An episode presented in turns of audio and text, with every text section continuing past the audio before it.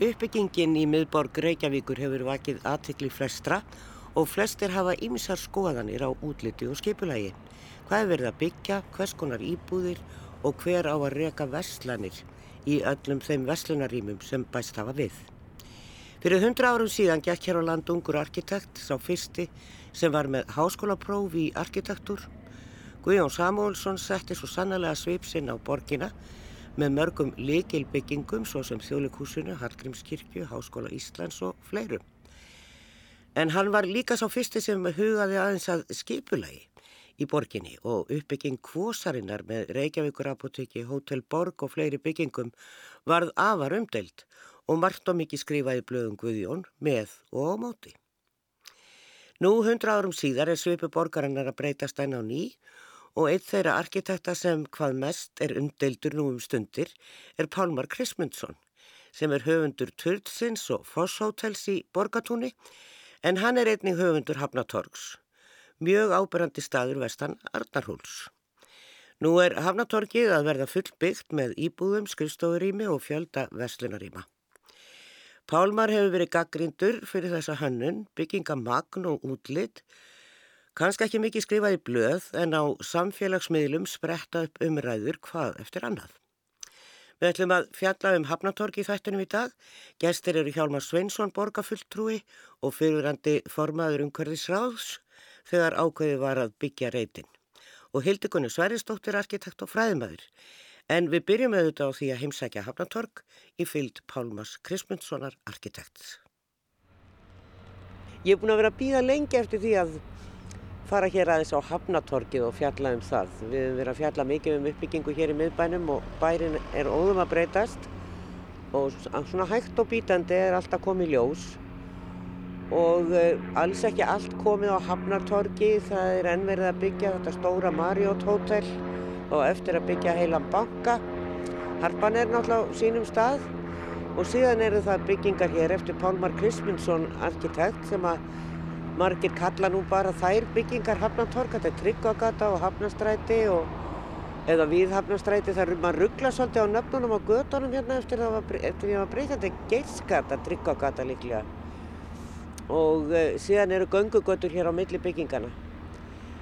Uh, það blasir við okkur hér þegar við stöndum við Arnarhólinn, þessi stóra bygging sem er 1, 2, 3, 4, 5, 6 hæðir, fjórar og svo tvær indregnar og eh, þetta eru bæði íbúðir og búðir. Reygin hefur keift allar þessar neðri hæðir og það er smá saman að koma vestlanir í, í húsin. H&M er komið þarna neðist og, og síðan hafa aðri tilkynnt um komið sína. Ég held að GK hafa verið að opna þarna um daginn og þannig að það er svona smá saman að færast líf í þetta svæði. Við ætlum að eh, taka smá rölt þarna í gegn. Ég og Pálmar Kristmundsson arkitekt en það er hann og hans stofa sem að hafa hafa séð um að eh, koma þessu upp. Það er ónæntilega sko, nú þurfum við stöndum hér, þá erum við náttúrulega með Ingólstrætt eða hverfiskötuna hérna á aðra hönd og sjáum ekki yfir í gamla bæin í rauninni. Við erum hérna 101 hótel og svo stóra byggingu þar sem að mentamálaráðunætti var nú lengi vel til húsa, ég er ekki viss hvað er þarna núna. En e, þannig að það er svona, samræmið er allt í lagi þegar maður horfir hérðan. Mm.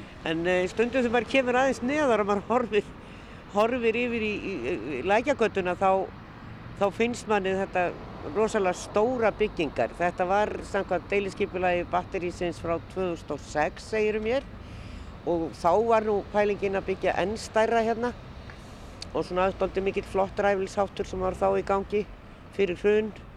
Átt að byggja hér World Trade Center sem varða aldrei og, og kannski bara ágætt af því að það var náttúrulega svakalega stór bygging en hótelið hér er, Marriott er óneittalega miklu stærri en ég bjóst við.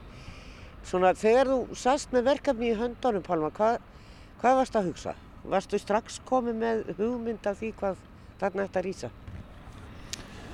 Já, sko fyrsta hugsunin er bara Reykjavík sem borg sko og, og, og miðbærin sem, sem miðbær í, í borg og ég sé borg bara sem eitthvað sem á að vaksa og, og ekki hrættur við framkvæmdir eða, eða horfa fram í tíman og, þannig spinnum maður svona áfram af því sem fyrir er og yfir í nýja tíman. Og það er nú uh, svona verið alveg í, svona, í umræðin í dag, svona milli arkitekta og svona verið kannski að leggja aðeins aðra áherslu á hlutina, verið að tala um skala og, og, og gamla, sem sagt, er út af byggin í gamalt hverfi að, að hlutinir falli vel að. E, það er nú ekki þannig að þú sést að miða við eitthvað slíkt hér, nema við erum náttúrulega með að hafnarhúsið þarna og tollhúsið og, og annað sem eru náttúrulega háa byggingar en þær eru samt svona allar minni í sniðum. Já, ég er ekki saman því. Við erum bara að horfa fullt af byggingum hérna og allar, allar, allar kursin í heilsinni og, og miða þetta því. Við höfum lækkað byggingar miða við, miða við það sem var leifilegt í deilskiplæðinu til þess að mýkja yfirgangin frá því sem að gamlu kursinu og yfir á þetta svæði. Við höfum líka taka tillit til því sem er skipulagt sko hinnum einn við hafnarmegin við, eh, við kursina. Þannig að við erum mitt á milli tvekja heima og, eh, og af því ræðst formuninu á þessu líka. Harpa er náttúrulega stótt á mikið hús. Já, hún er eiginlega sko, ég held að maður gerir sér ekki grein fyrir því hvað hún er stór fyrir hérna hitt sem eru verið að byggja hérna kemur aðinni. Þá, þá fyrst gerir maður sér grein fyrir sko skala muninum. Sumi vildi nú meina að það ætti bara að vera torg þarna á milli og bara svona útvistasvæði og, og harpa ætti bara að standa þarna einn. Hvað finnst þér um þá hugmynd? Já, ég, nei, mér finnst hún að ég að tengjast byðinni sem er hérna niður í miðbænum. Ég, mér finnst hún eitt og sér sem einhver svona Napoleon á, á, á stalli kannski ekki heyra til í svona borgarumhverfi. Það er ónægtalega verið umdeilt þetta svæði og fólki finnst ímislegt um þetta en ég hef tekið eftir því að yngra fólki eða ungt fólk er bara mjög ánægt með þetta og finnst Reykjavík loksins vera orðin borg. En eldra fólk, það er svona mann kannski eftir öðrum tímum en ekki þar fyrir að það var náttúrulega ekkert þarna nema bílaplan í mörg mörg ár en og svo einhver tíman kannski miðja síðustu öld voru þarna bara skemmur og, og, og svona litli kofar. Já, já. Ég, ég, það er nú fáir sem ég hitt sem, sem að líkar þetta eins og þetta erst að segja. Það er nú flestir sem að nýta eitthvað í allt, allt hérna. Já. Eh, en eh, ég, eh, ég heyrði nú af einhverjum, ég held að það hefði verið kallar umhverfis sálfræðingur eitthvað sem að hafi líst í yfir í fjölmilum að fólk myndir bara fyllast einhverju óttatilfinningu þegar það kemur þarna nýrðir og það er, það er sjálfsagt til svoleiðis fólk en, en hérna, ég hugsa þetta eiginlega bara miklu lengra fram í tíman heldur en, heldur en þeir sem eru sko, nú, núverandi kynslu þetta er, þetta er miklu lengra fram í tíman og ég held að Reykjavík er að vaksa töluvert á, á næstu árum áratugum og, og hérna og vonandi ber okkur öllum gæfa til þess að gera það á smekklegan hátt og tengja söguna við það sem við byggjum nýtt en, en ég er ekki þar með að segja sko að sagan er að, ráða framtíðinni. Það er, það er við lærum öll sko sögu í, í, í grunnskóla. Það er engið sem læri neitt um framtíðina. Það er ekki hægt. Einhver þarf að spá í hana Já. og gera hana nei, ég, þetta er bara þarna er, þegar ég, kem að þessu þá er náttúrulega liggur fyrir skipulag um heimildir bygginga og byggingamagn og annað slíkt og mitt verkefni er meira að vinna úr þeim ramma sem að sem að batterið setti upp með sín deilskipulega á sín tíma. Nú erum við komin hérna eiginlega neðst í hverjusgötuna og sjáum hérna yfir í Lækjagötu það er náttúrulega endurbyggt hérna gömul hús Já. sem brann hér í stjórnaráðu og svo náttúrulega lengra í Torfan. Já. Við erum við svona gömlu Reykjavík þarna og, og svona hús sem að timburhús og reyndar nýhúsinn á milli og út við vonastræti á nú eftir að rýsa stórt hótel. Já. Svo erum við með þetta gamla svarta hús hér við Lækjatorg sem að hefur nú verið þyrnir í augum margra. Það er nú ekkert að segja þessi mjög svipfagurt en kannski skárra svona svart heldur en þegar það var bleikt. Ég man eftir því þannig. Já. En e, myndur þú vilja losna við það? Já, já, ég myndi, það hefur nú verið umræðið um að, að hérna, láta það hverfa en, en uh, þetta er þarna og ég held sér rétt bara að vinna það úr því eins og það er, eins og það er eða, eða breyta því eitthvað nátt en það er ekki nefnilega að losna við það. Þetta er náttúrulega mörg skeið, í, tímaskeið sko sem að, sem að kosin er byggð upp á, þannig að þannig að auðvitað kennir margar að grasaðar. Við erum líka með uppgert hafnastrætið í rauninni sem er nú orðið göngugata þessi hluti sem að nær út í tryggagötu og þar er gamla ramagerðin sem maður bara kallar það, það þetta hús það, það er endurbyggt og svona eins og straujátt og svo gerir þú annars straujátt hér eru afar ólík. E, þetta inn í hafnastrætunum er kannski svona meira í þeim stíl sem var byggt hér upp úr síðustu öll e, en þín þitt straujátt er alveg splunkunýtt og skorið í endan, það búið að brjóta ottin af. Já, ég, ég sko, sko það sem við byggjum í dag, ég tel að það er bara að vera sko bera merki þess tíma sem við lifum í sko og, og vera að hugsa fram í tíman en, en þetta er alltaf hægt að endurgera og byggja í gamlu stíl það er, það er bara mísett hvenar hvað á við. Ég held að sko hvorsin hérna breytingin sem varð eftir 1900 og brunan Niklaði 1915 eða hvernig hann var sko er, er markvallt markvallt stærri breyting heldur en okkur tíma það sem við erum að gera hér í dag og þar, þar er, er verið að tala um að þessi stíl sé eitthvað framand og eigi heima hérna. Og á sínu tíma erum sömu menn sem er að gaglina þetta að hampa því sem að var algjörlega á skjönu við allt í miðbænum á þessum tíma. Og, og, og teki beint utan úr heimi. Guðjón Samúlsson kom náttúrulega snarbreytti í postustrætinu og settu Reykjavíkur apotek og Hotel Borg og, og Landsímahúsið og annað sem voru stóra byggingar, einskipafélagshúsið og annað allt í hennu kom svona klassískur steinsteipu stíl í borgina sem hafði ekki verið. Þannig að var, hann var mjög umdeltur Já, Já. þú fjallaði nú mjög vel um þetta í, í þættinu þínum um, um Guðjón Samúlsson með, með Pétur Ármanns þannig að, þannig að hérna, þetta var stór breyting. Ég held að þessi breyting sé, sé miklu minni í, í skala og, og stíl sko. en það, það er gamli tímund Já, sagði Pálmar Kristmundsson arkitekt og við kvílum hann í bylli og heilsum upp á Hjálmar Sveinsson borgarfjöldtrúa og Hildegunni Sverrisdóttur arkitekt velkomin. Takk.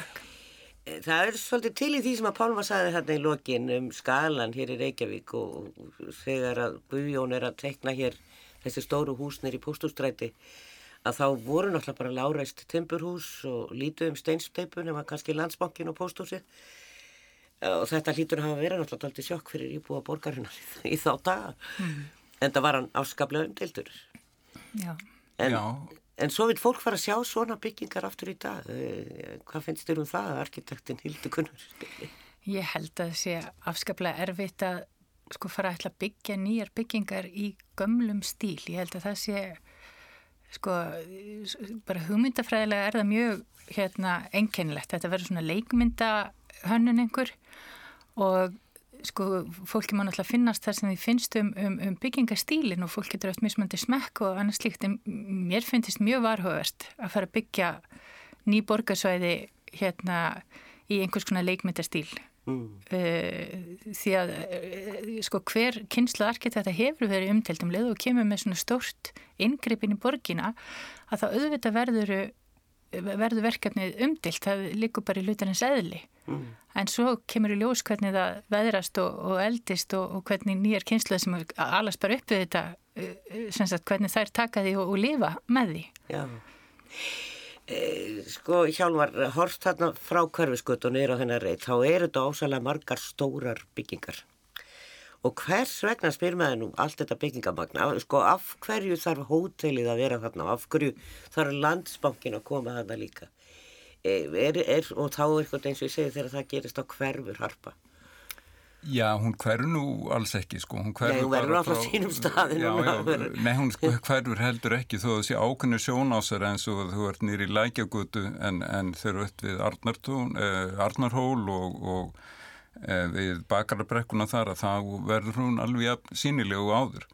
En á hverju í rauninni það er ágætt að rifja aðeins upp sögun að, að þá maður segja upphafið af þessu dæmi öllu er það þegar að e, það var held í 1999 þegar Ingeborg Sólrun Gísludóttir e, borgastjóri og Björn Bjarnason mentamálráðara taka af skarið loksins og ákveða það að nýtt tónleikahús skuli vera niðurhöfn. Að búið að vera að rífast um þetta í einhver 20 ár.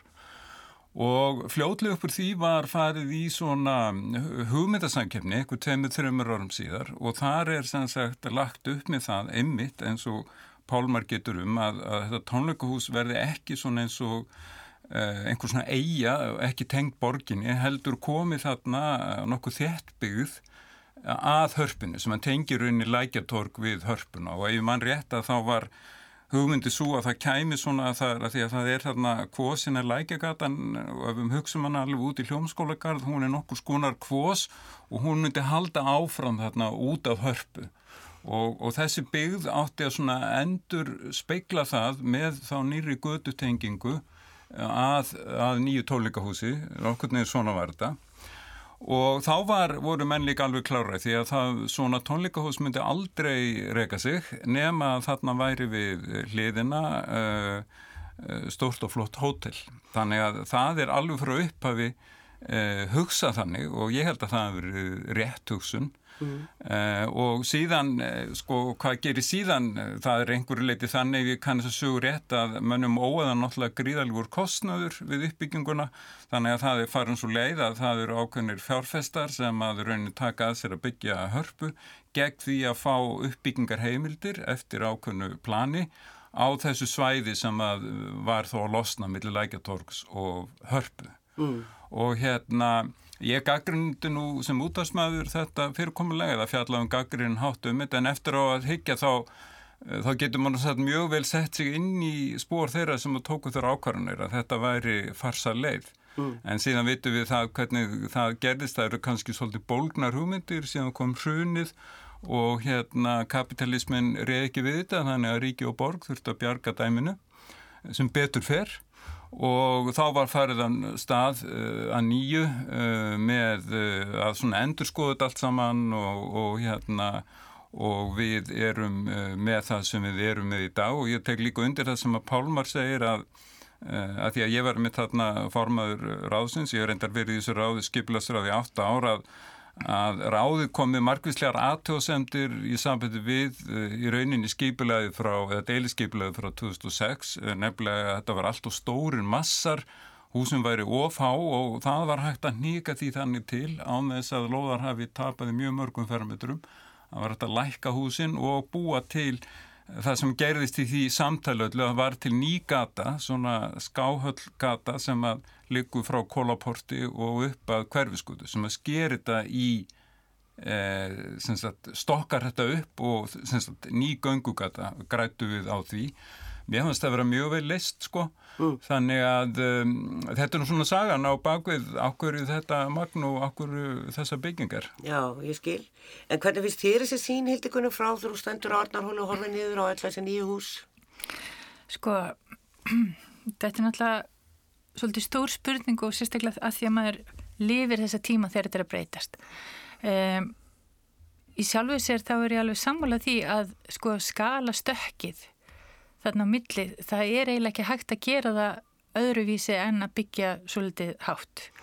Og hérna ég er kannski ekki alveg hérna sannfærðum þetta mikla byggingamagn hafnarmegin því að mér finnst höfnin verið orðin ansið svona aðþrengt og, og eiginlega meira líkjast almenningskarði með, með svona múri kringum sig frekar heldur en opið hafnarsvæði en, en þannig er það. Og hérna en það sem að mér finnst kannski vera svolítið umhugsunavert í þessu öllu saman er að þetta er náttúrulega sko ekki bara partur af borg, þetta er ekki þetta er ekki bara partur af, af einhverju borg sem að, eða svona útjáðar einhverjar borgar, þetta er í rauninni alveg gríðarlega menningarlega mikilvægt svæði. Og hérna e, og ekki bara fyrir okkur borgarbúa heldur sem höfuborg líka. Og talandum þess að sín frá hverfiskötu og niður eftir að þá finnst mér líka að það verða að mun eftir að, að sko á Arnarhóli þá kemur fólk saman. Íslendingar koma saman sko við stórar aðtæfnir þar og maður getur spurt sig er sko stór svona vestlunar enga hérna klasi e, besta svona baktjaldi fyrir þetta mm. e, og, og sko Þannig að mér, ég hefði viljað sjá kannski meira því að, að það er rétt að í samkeppninum hörpa þá líka hérna, samkeppni um einhvers konar skiplags tengingar við bæin en ég held að langflestir hafi skoðað þessa þarna, samkeppni sem samkeppni um tónlistarhús en ekki sem skiplags samkeppni og persónulega hefði ég viljað sjá kannski meira samtal uh, um það hvernig þessi staður ætti að byggja upp byggjast upp. Ég, ég skil alveg fjárháslega ástæðnar hérna fyrir því að þarna þurft að skipta út til þess að bjarga hörpu og framvegs. En hérna, en þetta er samt svo ótrúlega mikilagt svæðir sem tengir akkurat Arnarhól, Kvosina, Höfnina og, og menningarlega svona eh, hlaðisvæði. Þannig ég hefði viljað sjá miklu meiri umfjöllun og, og, og samtal um hvernig, hvers konar bakland Hva, eða tengingu. Já. Já. Bara búðir eða hvað. Já. Já, ég skil. En uh, við skulum halda okkur aðeins við þessa ásýnd áður en við hlustum aftur á hann uh, Pálmar. Það er verið að byggja þetta stóra fimmstjörnu ráðstefnu hótel og ég hef búin að heyra þessi rauk mjög ofta að það yrði að vera hótel við hörpu. En ég heyrði í vísendamannum daginn sem sagði að, að, að, að nú væri svo breytar áherslur í fundahöldum og ráðstefnum að, að það er reynd eftir megni að, að halda fundi á netinu til þess að fólk væri ekki að fljúa út um kvipin og kvapin og, og auka við kólum í sporið, hinga og þanga. Þannig að, hún myndist meðal annars á ráðstefnu þar sem hefði verið eitt gestur, allir hinnir á ráðstefninu voru bara á tölfunni. Þannig að maður svona fer að velta fyrir sér, tíminn flýgur svo hratt, þetta breytist svo ört allt saman í tækninni. Er þetta tímaskekkja? Og ég svo er því. Já, sko, þetta er svona vangavelta heila. Nei, ég held að þetta sé algjör vittlisa og það er einhverlega vegna þess að maður með hans gaman og því að var spáð hérna fyrir 20 árum að það myndi fljóðlega allir bara fara að vinna heima hjá sér á tölvunar og fólk hværi ekkit út lengur en hér þver öfuga hefur gerst eftir að allir orðin svona tölvuvettir og eru kannski eitthvað heima hjá sér svona, það er einhverjur í því að þá hafi þörf til þess að fara út í borgina fara á kaffehús, veitingahús og þessi stafræna byltinga hefur haft þver öfug áhrif með við sem margir voru að spá. Eh, þess vegna þetta er eina ástæðan fyrir því að það er svo mikil eftirspurn eftir líflegu og skemmtilegu borgarungurfi þess að það hittir fólk og ráðstöfnur eru þannig fyrir bara líka. Það er staðir þar sem að vísindamenn, listamenn, allskynsfræðimenn og sérfræðingar hittast, spjalla, mynda tengsl og, og, hérna, og stundum er sagt að mikilvægastu samtunni legist í stað uh, hérna, yfir matnum eða yfir kaffibotla eitthvað svolítið þannig að ég er algjörlega sannferður um það að, að þetta, þessi spá stænst engan veginn, eh, þar með er ég ekki segja ekkit munu breytast en ég held að þessi þörf fyrir svona mannlega nánd hún hefur fyllt okkur frá því okkur mannunum frá því við erum til og hún mun alltaf fylgja okkur en má ég aðeins hérna koma inn á Lísa að því að mér finnst sko umræðan hafa snúið svolítið mikið um hérna ásýnd Mm. Uh, og þá vil ég minna það að, að sko fyrir hérna ekkit, já, já, nokkrum áratugum að þá var kvósinn, allmörgum áratugum, að þá var kvósinn full af uh, allskynns fyrirtækjum, böngum, fjölmiðlum, heilsölu fyrirtækjum, öll skipafjöliðin voru með sín megin, megin höfustöðar á kvósar miðborgarsvæðinu. Síðan hvarfið allt saman inn í skeifu, inn í út í holt og móa og upp í kringlulit upp í hérna kringlumýri. Fór allt saman.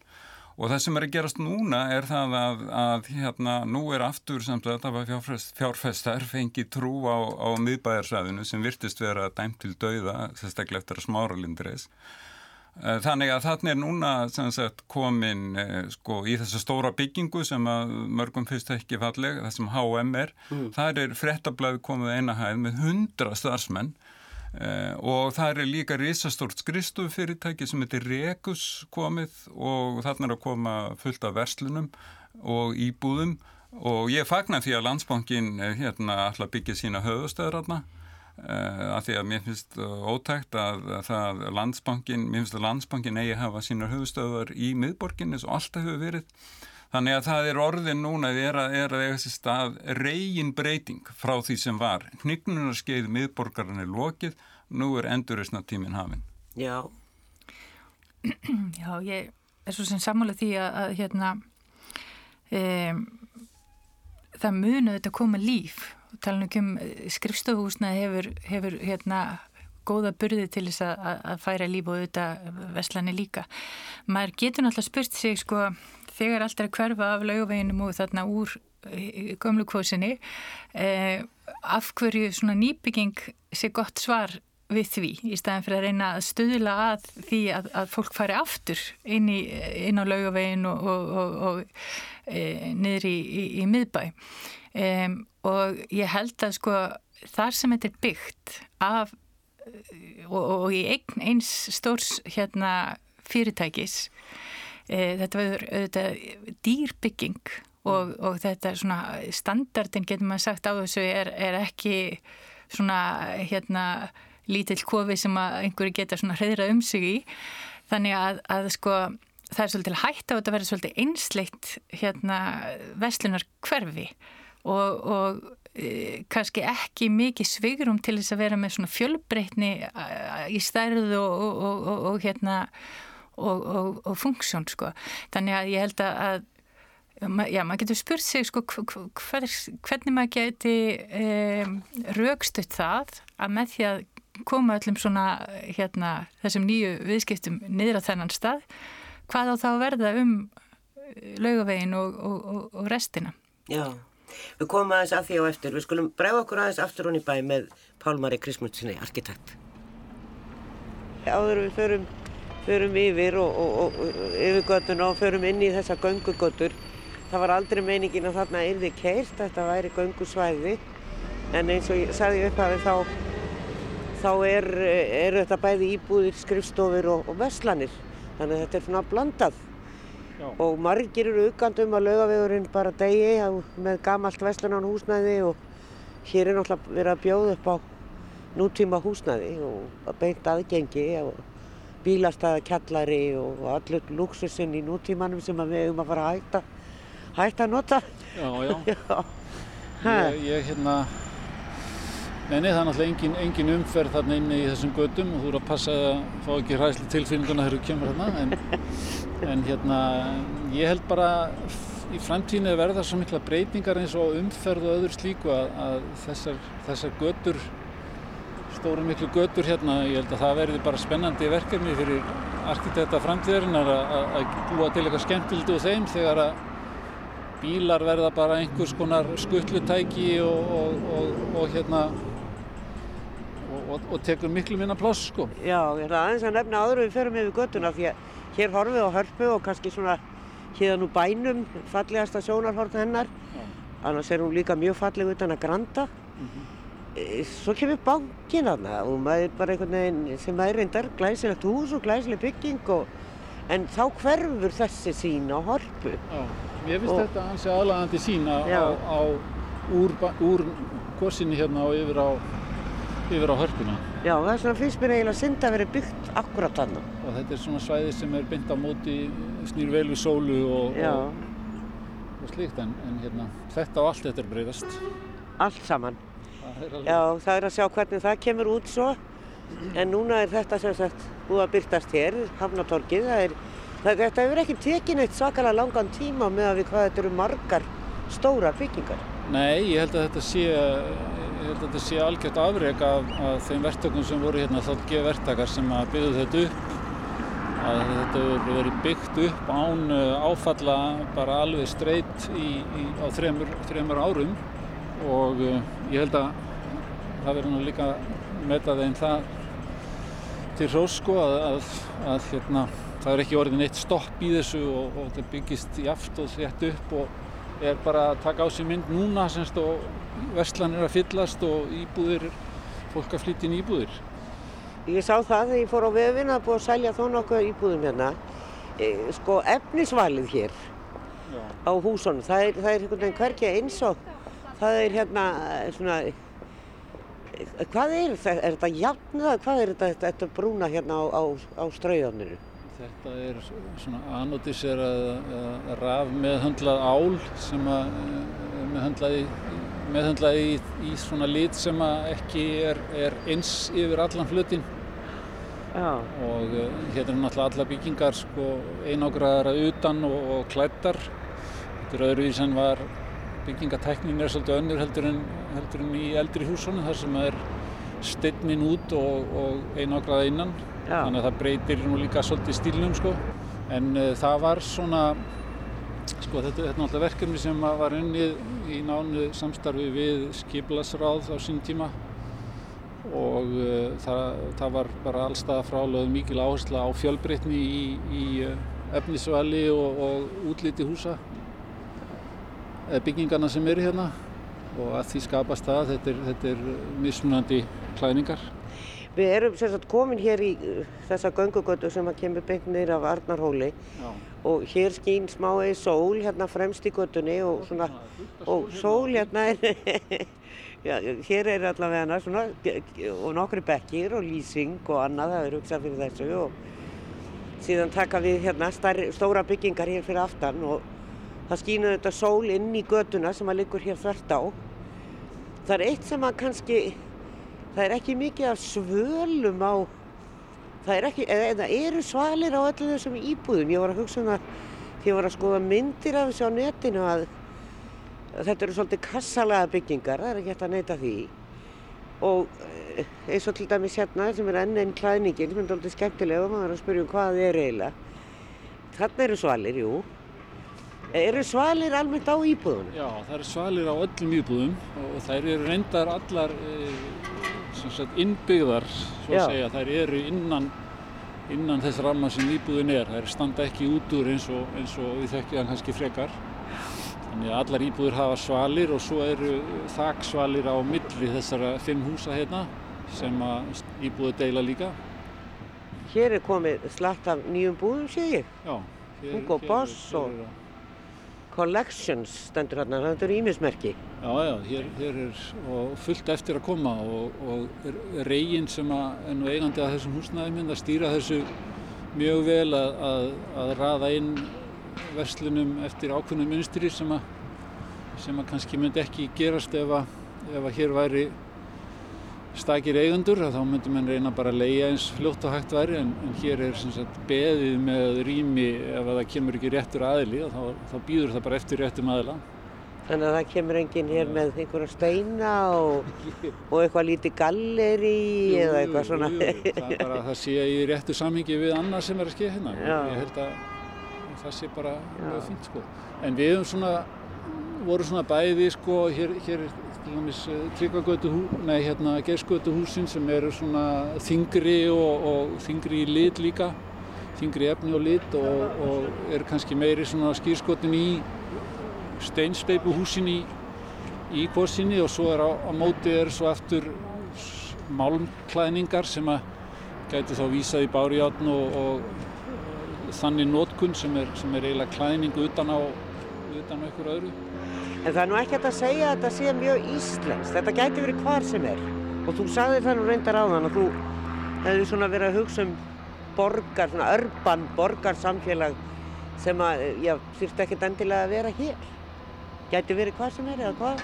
Nei, ég, ég sagði þann reyndar ekki. Nei, en spyr um ég, það. Ég er ekki sammálað því að það sé, það sé ekkert, hérna, sé ekkert íslenskt í þessu og það sé ekkert hérna, enga skýrskotanir en, en á móti getur maður líka sagt sko að, að það sem að ákveðnir aðlar hafa viljað að sé miða við er heldur ekki íslenskt sko ef, að- ef þú fer út í það sálma. Þetta þróast allt og breytist. Ég meina bara gamalt Bárjáshús, er það ekki norskt? Er það íslenskt? Hvernig verður það íslenskt? Já, þau eru mörg svona í Noregi eins og þau eru hér. Já, sumir, flestir eru bara fluttingað þaðan sko. En, en þetta er náttúrulega bara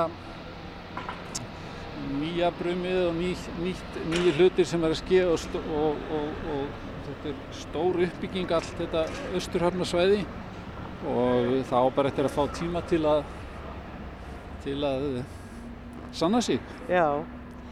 E, svona í lokinu er gaman að fara hérna út af tollhúsinu e, sem að er jú hérna á sínum stað og, og, og e, hafði nú sína brú þarna inni og átti að vera bílastæðin í miðju húsi, það var framtíða síning þá, átti eiginlega að keira í gegnum það og upp í grjótatorp, átti að rífa það og, og það átti náttúrulega að gera ímislegt sem að ekki varð og fólk segir nú í dag, Guði sér lof, að þorpið var ekki rifið. Það er nú sérverandi staður og svona sagan sem að allir, allir eru svona svolítið skotnir í. En ég er svona sammála því maður á ekki að byggja gamalt í nútímanum. Og, og það er kannski svolítið asnalt að vera eitthvað að herma eftir því. En stundum er nú kannski nöðsynlegt að, að endurbyggja og það hafi sitt gamla útlit til þess að halda í svip sögunar. Algjörlega, ég, ég er algjörlega sammálað því. Eh, hér, eh, hérna eins og þú nefndir áðan, hérna var náttúrulega, voru bara bílastæði og, og skemmur. Þannig að við erum hérna á svæði sem ekki var byggð á áður og það var í rauninni, í rauninni ekki neitt sem að kallaði á endurgerð á einhverju gömlu. Það er svona, ef að það hefði verið þá, þá hefði við, hygglust unni með það á þann hátt. Við skulum aðeins kíkja hérna fyrir hotnið, það er reyndar ólega læti eins og það heyri góð hlustendur, það er greinlega verið að vinna hér í að skera steipu eða eitthvað slíkt. En hér á að endurreysa bryggjuna sem að var nú eina aðkoman inn í Reykjavík. Já. Hérna út við Það kemur hérna göngugata, eða það er þetta axturskata eða göngugata? Það er axturskata hérna niður í bílakjallaran hérna Já. frá geyskutinni, síðan, síðan verður þetta göngugata hérna og, og þarna undir er, er eh, hérna, Steinbyrgjan það er mjög skemmtilegt að hún skulle vera hérna akkurat í göttustæðinu en, en kannski ekki, ekki tilvílun heldur, heldur hefur það verið það bara frá, frá fyrir tíma. Já, á hún að vera sínilega eitthvað meira en þetta?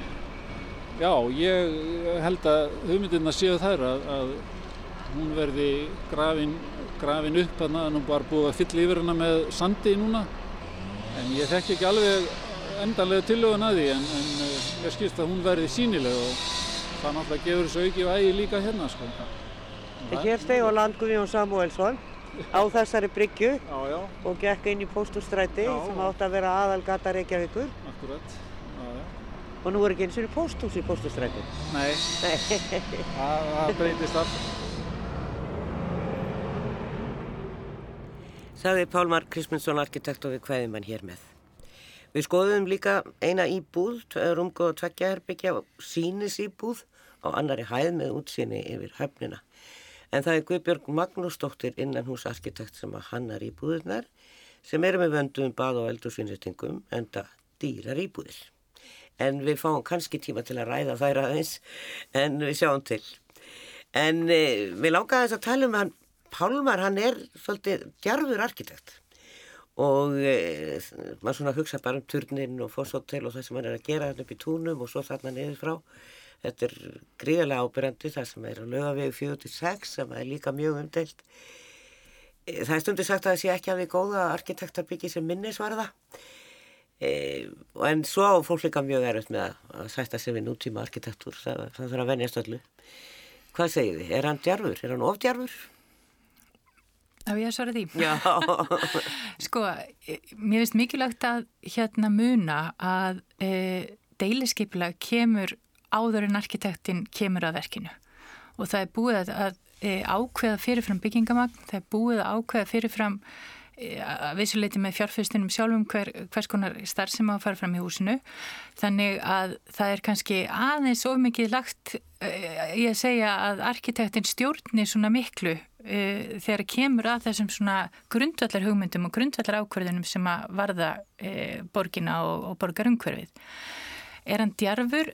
Sko mér finnst ákvæmlega margt sem hann gerir vandað. Og hérna og hann er, eh, ég held að sé ekki tilviljun að hann sé fenginn til þessar starfa og, og vinnur samkeppnir eh, um þær. Eh, hefur gert hann vandaðan hérna frágang og, og, og mér finnst það mörguleiti vel hafa tekist við að brjóta upp til dæmis þessa þennan massa sem er þarna þar sem við köllum hafnatorg, ef ef við tökum þá heilt og köllum hann hafnatorg að þá eh, hefur hann greinilega lagt heilmikið upp úr því að reyna bæði að brjóta upp massan með efnum í mismunandi byggingarkroppum en líka eins og í þessu stóru húsi sem að H&M er í núna að það hvernig framhliðin er brotin upp og, og, og hérna, sköpu svona dýft í hann að það mildar svolítið eh, ásindin umkring þannig að sko ef það að gera að vanda sig og, og, og, og reyna að gera vel er að vera djarfur. Mér, mér finnst þannig ekki vera ekki sér minnisverð, það er ekki þannig sem ég upplifið það sko, heldur einfallega að vera á þess að ég eh, þekki persónulega til hans starfshátt að þá finnst mér þetta meira fjallum að reyna að gera þetta vandað og svona já, til framtíðar, svo getur maður náttúrulega rætt um það hvort að þetta mikla efna sem er að þessu sé kannski aðeins og mikið í lagt, það er nú sem við sem að, að segja það mm. en, en mér finnst eh, eins og markmið þessi frekar að búa til hérna svona fyrst þetta þurfti alltaf byggjast upp á sama tíma í einni bendu að reyna að gera þetta sem svona eh, mildast og fjölbreytilegast. Já, en það er, það er svolítið sem að minnir á modernismann finnst mér í, í átorkinu Hjálmar. Svona frá 1970 það bæði þetta er svona kassalega bygginga með stórum glukkum uh, og það er svona, já, þó að, sé, þó að byggingamagnin sé brotið upp eins og Hildikunni var að minnast á en það hefði annað verið alveg agalegt að þetta hefði allt ángið saman. En uh, hvað finnst þér um það? Er já, þetta rétt upplifin hjá mér? Já, ég held að svona einhverju leiti en eh, hérna, ég var nú sinn tíma eh, á mínum útvarsárum eh, fjallega líka gaggrinnið þarna um uppbygginguna höfðatorki en nú er þetta búið að vera svona að hluta til minn vinnustæður í eh, ansi mörg ár og ég verð að segja það að mér finnst það smám saman það svæði vera að koma betur og betur út og mér finnst það vera hérna Uh, sko, mér finnst svona húsinn þar flest sína hérna alveg óbúslega færan arkitekt sem að hérna hikar ekki við að og það enginn er hann svolítið svona afgerandi stíl. Og mér finnst það líka í Hafnatorginu, þetta er mjög svona afgerandi stíl, hann, hann er ekki hérna, hann er alveg óhættur við að hérna gera eitthvað sem að er alveg næstuði vita fyrirfram að mörgum finnst vera einmitt allt og kassalega og heilt orðið brútal og en það var nú stefna sem hitt brutalism einu sinni, jú, jú. sem ég skilst nú að sé að komast aftur í tísku sko. Þannig að mér finnst hann eh, mér finnst bara mikil fengur af, af svona svona, já afgerandi arkitekt sem eru alveg ótrúlega skarpa sín Já, við náttúrulega sjáum Hildugunur og við höfum nú rætt saman um það áður að við mótmælum eða ja, borgabúar og jafnvel þjóðin ráðhúsið á sínum tíma hæstaréttarhúsið og annað. Hallgrímskirkja. Hallgrímskirkja er óbúslega læti og, og reynlega farið í mótmæla göngur, það hefur nú ekki gæst hana en e, þannig að það er kannski ásinn er mestur á samfélagsmiðlunum stundum. E, er þetta bara svona, er fólk bara svona það er bara á erfitt með að taka þessu nýja Já, það held ég og, og ég held að sko af því að fólk hefur náttúrulega e, svo mismunandi drömsýnir um, um sína borg og hérna og það er náttúrulega mjög sjaldan sem að þeir sem útmæla hafa eina sameila skoðunum hvernig öðruvísi hefði mátt gera hlutina. Þannig að, að hérna ég held að sko, já, en hins vegar þá kannski myndi maður frekar vilja stað, sko minnst mótmælun oft snúast um, um, um útlitið einhverju leiti Um, Hjalmar kom inn á það að, að það er náttúrulega líka sko, massarnir sem að mynda borgar rýmið. Og Anna-Maria Bóðdóttir talaði mitt um í, í, þarna fyrirlistararöð á, á kjærvalstöðunum í daginn um, um munin á almannarými og almenningsrými. Og það er kannski hérna ég myndi kannski freka vilja sjá mótmæli eða eh, samtal um það hvers konar borgarými þarna er skapað. Og þá er ég kannski sérstaklega hugsa um að þarna er minnstu göngugutur sem ég held að ef ég skil rétt til er raunin ekki borginni heldur eigundum staðarins. Og e, eins og, eins og Palmar kom inn á þá er það sko í rauninni eitt fyrirtæki sem velur inn hverjir fá að vera þarna og hverjir ekki. Og ég verði sem svo er að persónulega finnst mér hérna kannski mikilvægur að borgarbúar skoði svona þætti, ég veit ekki hvort að fólk gerir sér grein fyrir þessu. Að mm. þarna er enga fyrirtæki að taka ákvarðanir og hefur ákvarðanarvald um því sem á að vera þeirra borgar í mig, ég menna hafna torg, það vísir einhvers konar torg en það er ekkert torg að það heldur, já ég menna maður getur tala kannski um vestlunatorg, þannig að það eru svona þætti sem ég myndi kannski vilja sjá almenning kannski þarna setja sér betur inn í heldur en að fara alltaf í þessi viðbröð við sko ásýndum. Nákvæmlega. En að því við erum að tala um sko og ég spurði nú aðeins að það stötta spurningu þá er ekki hægt að koma með litla steinabúður og galleri og annað mm -hmm. að því að reygin ræður hvaða vestlanir fara hann inn eða fyrirtæki og, og svona hvernig þau raðast niður. Mm. En þá hugsa mannum kannski til lögaveðarins mm því að við vitum nú þegar eru nokkrar vestlanir að fara þaðan og þarna niður til við sjáum tóm verslunarími í, í miðbænum og við sjáum alltaf mikið að lundabúðum, við sjáum margt sem er horfið einisleikni, verður alltaf meir og meiri einhvern veginn í verslun á, í álega veginum hvar eru tækifærin þar?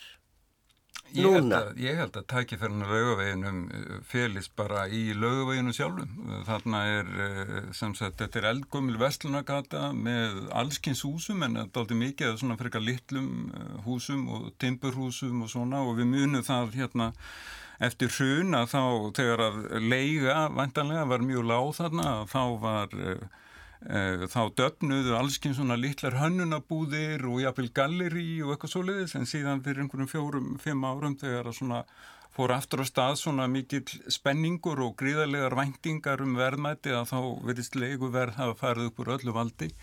Og hérna og semst, borgin stjórna því ekki neitt nátt en ég held að lögavegurinn er bara glæsta framtíð fyrir sér eh, vegna þess að lögavegurinn er einstu gata sko og en auðvitað mun, auðvitað mun, uh, mun það breytast. Þar að segja verslunarhættir er að breytast og kaupmenn munu þurfa að aðlaga sig að því.